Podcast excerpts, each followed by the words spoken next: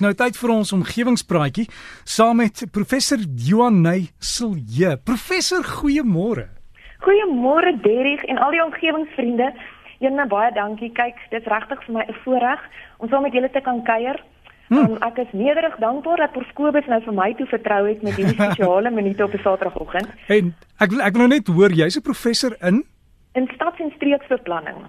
So jy kyk na ons ons groen gebiede en en laat mense nie die reëls oortree nie. Oh, ja, hopelik. Ehm um, ek dink dit moet daarom net gou wegval en sê, ehm um, prof, prof Kobus het nou besondere diep spore getrap nê nee, tussen ons omgewingsvriende. En dit was nogal vir ons baie duidelik uit die rekord aantal Facebook boodskappe hierdie afgelope week.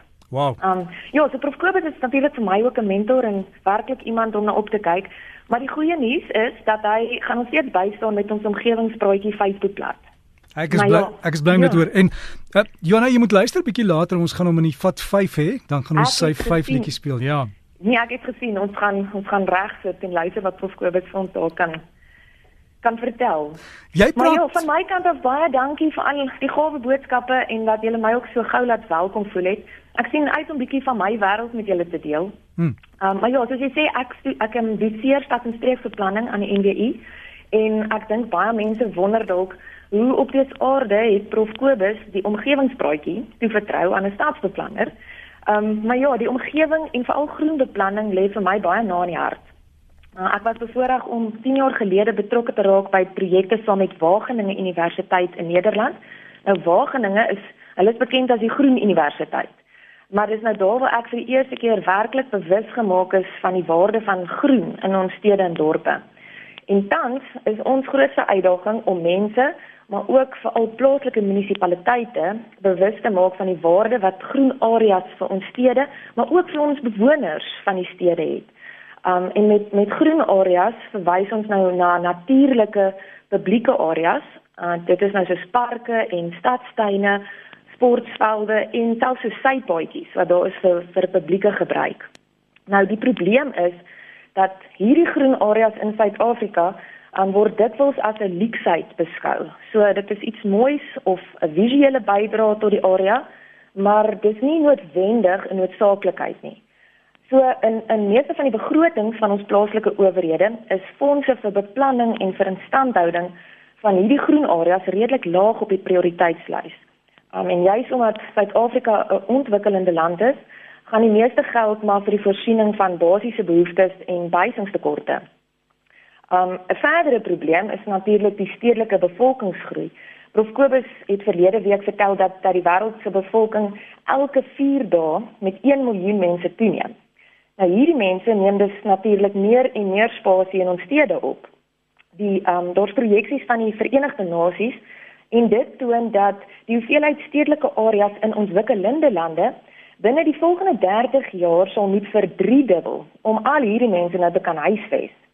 Um, so om dit om pas in, in perspektief te plaas, dit sou beteken dat ons tot die jaar 2050 elke maand 'n stad moet bou, gelykstaande aan Engeland se groter Londen area om nou hierdie verstedeliking te kan akkommodeer.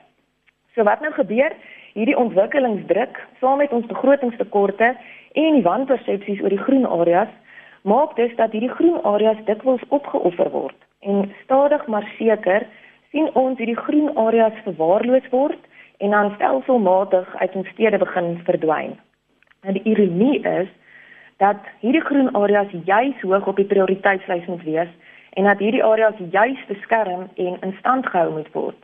'n Navorsing het bewys dat die omgewing 'n groot bydrae lewer tot verbeterde lewenskwaliteit, maar daar is ook baie ander studies wat vir ons die voordele van groen areas kwantifiseer in sosiale voordele, in ekonomiese voordele en dan ook natuurlik in omgewingsvoordele. Um, maar daaroor sal ek graag 'n volgende keer bietjie meer uitbrei. In kort sê hierdie studies of poog al hierdie studies nou om mense anders te laat dink oor die waarde van groen areas en veral die ekonomiese waarde daarvan.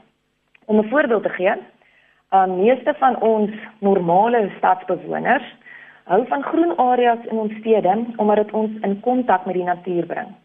Ons maak dalk af en toe van hierdie areas gebruik, uh, meestal vir sosiale of uh, rekreasiedoeleindes.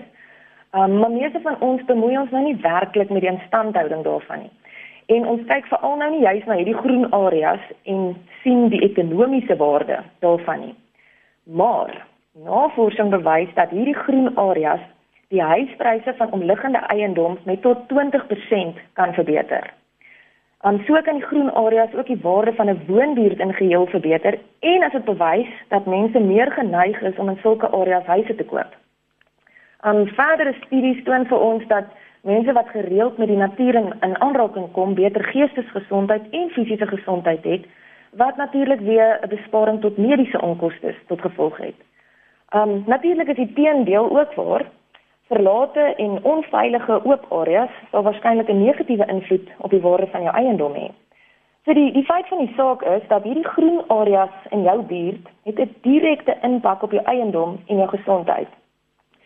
Um nou vanuit 'n omgewingsekonomie oogpunt word geargumenteer dat as ons nou hierdie waarde van groen areas kan omsit in 'n finansiële waarde of 'n randwaarde, dan sal mense en veral plaaslike owerhede die belangrikheid van hierdie areas beter verstaan. So as ons besef hoe waardevol hierdie groen areas is, dan sal ons en dan ons plaaslike munisipaliteite hopelik met ander oë daarna kyk en dit beter beplan en bewaar en in stand hou. En um, ja, alhoewel dit nou primêr die plaaslike bestuur se verantwoordelikheid is, is ek van mening dat ons as omgewingsvriende ook self gaan moet inspring om die waarde van ons omgewing te verhoog.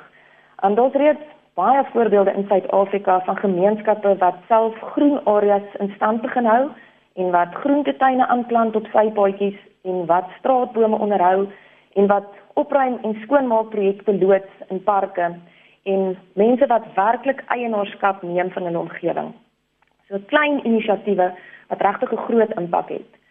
Um ja, ek wil graag almal uitnooi as jy weet van so 'n inisiatief, kom deel dit asseblief op ons Facebookblad of stuur dit vir ons. Ons het 'n nuwe e-posadres geskep, omgewingspraatjies@gmail.com. Um twee esse, omgewingspraatjies@gmail.com. Maar ja, vir nou groet ek julle eers hier uit Potchefstroom met so laaste groen gedagte vir die week. Dan kom ons probeer met nuwe oë na ons omgewing kyk en kom ons probeer die potensiële ekonomiese waarde daarvan raak sien. En dan gaan ons en ons gaan maak 'n verskil daar waar ons kan. Johanna, jy het gesê dis omgewingspraatjies by gmail.com, né? Ja, omgewings is praatjies@gmail.com. So, so die meervoud, omgewingspraatjies by gmail.com en daar kan hulle vir jou e-pos. Graag. Johanna, wel, baie dankie. Um, ek het nou goed geluister daarna en ek en Estie wat nou vir ons genuus lees, het gesê jy mag maar hoor. Dankie. Ek sal dit graag hopelik weer doen, Derek. Goed gaan en Dankie, Derek. Goeie naweek verder. Baie dankie self vir julle. Baie dankie. Totsiens. Totsiens. En dit was professor Joanne Silje van Noordwes Universiteit en as jy wil kontak maak hier is die e-pos nuwe ene omgewingspraatjies by gmail.com hulle het ook 'n Facebook bladsy omgewingspraatjies so dis omgewingspraatjies by gmail.com